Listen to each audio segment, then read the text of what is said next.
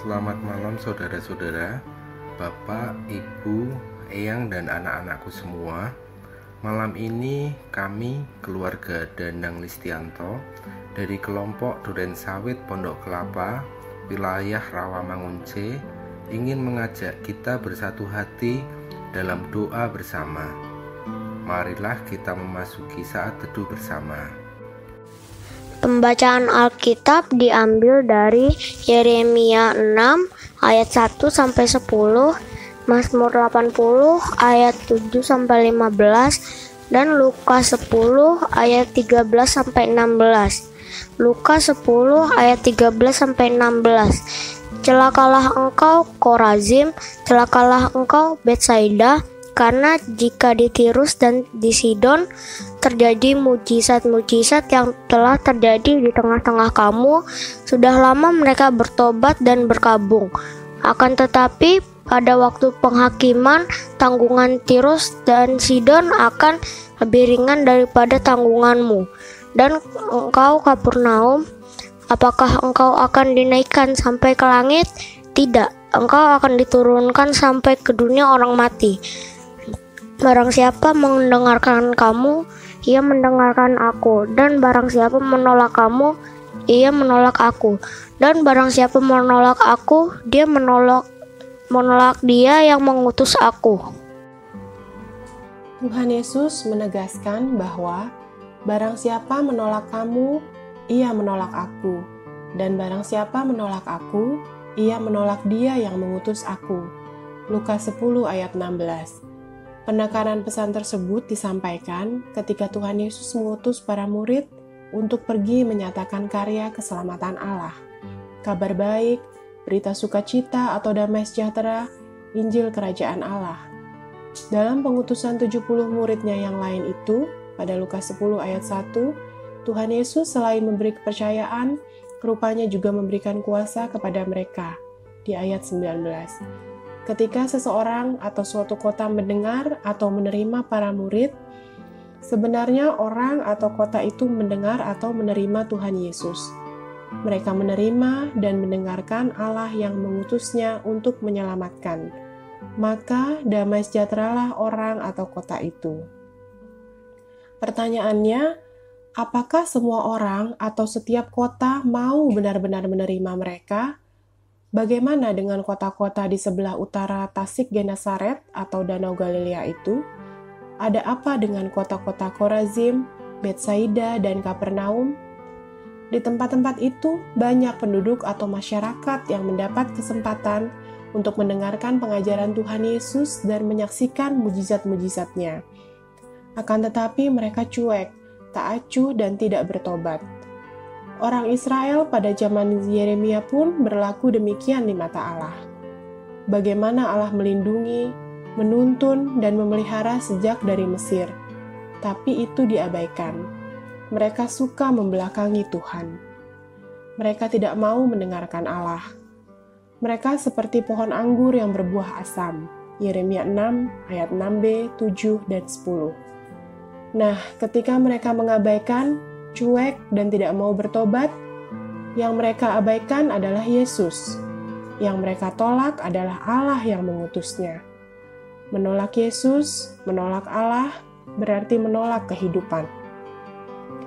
Maka tidak heran jika Tuhan Yesus menyampaikan bahwa Tirus dan Sidon hukuman yang ditanggungnya lebih ringan daripada Korazim dan Betsaida. Orang-orang di Venesia, daerah yang sering mereka sebut kafir, telah lebih dahulu bertobat dan menerima Yesus. Kita tahu seorang perempuan Kenaan, Fenisia, yang anaknya disembuhkan oleh Tuhan Yesus karena imannya yang kuat atau besar. Ia sungguh menyatakan kepercayaan dan pertobatannya. Matius 15 ayat 27 sampai 28. Demikian juga pemazmur di tengah-tengah tekanan bangsa lain, Israel Utara yang diporak-porandakan Asyur.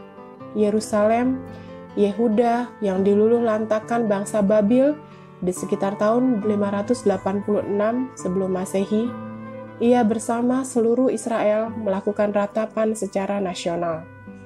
Pemazmur mengajak untuk dengan kerendahan hati bersungkur meninggikan Allah. penuh penyesalan memohon keselamatan Allah. Pulihkanlah kami, ya Allah semesta, alam. Buatlah wajahmu bersinar, maka kami akan diselamatkan. Mazmur 80 ayat 4, 8, 15, 20.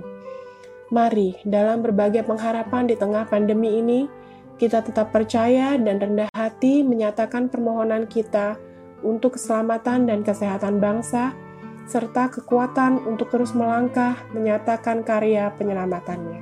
Amin. Malam ini kita akan berdoa bersama.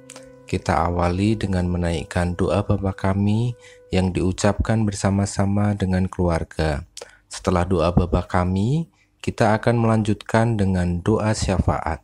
Mari kita berdoa. Bapa kami yang di surga, dikuduskanlah namamu, Datanglah kerajaanmu, jadilah kehendakmu di bumi seperti di surga. Berikanlah kami pada hari ini makanan kami yang secukupnya, dan ampunilah kami akan kesalahan kami, seperti kami juga mengampuni orang yang bersalah kepada kami.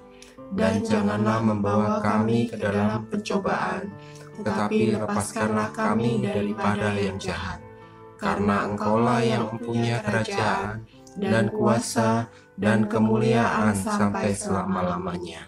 Amin. Terima kasih ya Allah atas taburan sabdamu. Engkau senantiasa memelihara dan menguatkan kami dalam mengelola dan menghadapi pandemi. Dalam kami menghadapi hari-hari yang diwarnai kecemasan dan kejenuhan hati, Sering kami lupa diri, tidak menyadari dan mensyukuri cinta kasih-Mu yang tak terperi.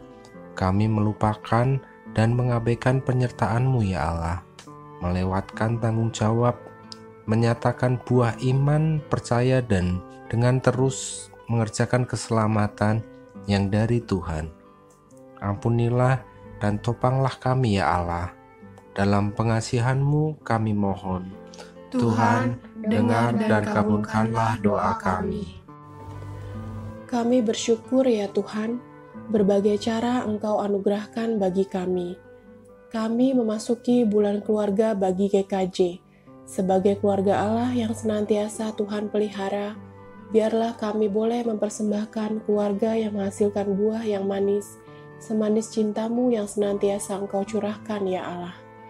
Bersama saudara-saudara seiman, dan keluarga-keluarga Allah di negeri ini, esok kami memperingati Hari Pekabaran Injil di Indonesia dan Hari Perjamuan Kudus sedunia. Karya penyelamatan Allah telah merengkuh kami yang rapuh di dalam Tuhan Yesus Kristus. Iman percaya yang menghadapi aneka realitas hidup bak serigala sering membuat kami tak berdaya, bahkan terjatuh dalam pencobaan. Kini, Engkau mengulurkan tangan menuntun satukan kami menyambut kuat kuasamu. Perjamuan kudus Tuhan, menyantu dengan tubuh dan darah Kristus, layakkan kami merespon dan menerimanya. Biarlah dengan itu kami terus boleh bertumbuh dalam hidup memberi buah, sukacita, dan damai sejahtera bagi Allah. Dalam pengasihanmu kami mohon, Tuhan, dengar dan kabulkanlah doa kami. Berkati kami gerejamu ya Allah dan mempersembahkan diri melalui pelayanan bersama secara oekumenis maupun dalam keberagaman yang bineka tunggal ika. Biarlah dengan itu kami tabah melangkah menghadapi pandemi khususnya di negeri ini berikut dampak-dampak yang harus kami sikapi dalam kerendahan hati. Berkati para pemimpin pemerintah, tenaga-tenaga ahli, dan tim-tim serta relawan kesehatan agar dengan kekuatan dan kesehatan yang dari Tuhan menopang untuk senantiasa bersuka cita dalam perjuangan mengupayakan kesembuhan menghadapi dan mengalahkan COVID-19. Tolonglah saudara-saudara kami yang masih belum menyadari dan mengetahui yang harus dilakukan akan pentingnya untuk tidak tertular dan menularkan COVID-19. Inilah syafaat kami ya Allah, dalam pengasihanmu kami mohon, Tuhan, dengarlah dan kabulkan doa-doa kami. Amin. Demikianlah persekutuan doa kita malam ini. Mari terus berjaga agar tidak ada pencuri yang merampas milik kita anugerahnya. Terima kasih, selamat malam, selamat beristirahat, Tuhan beserta.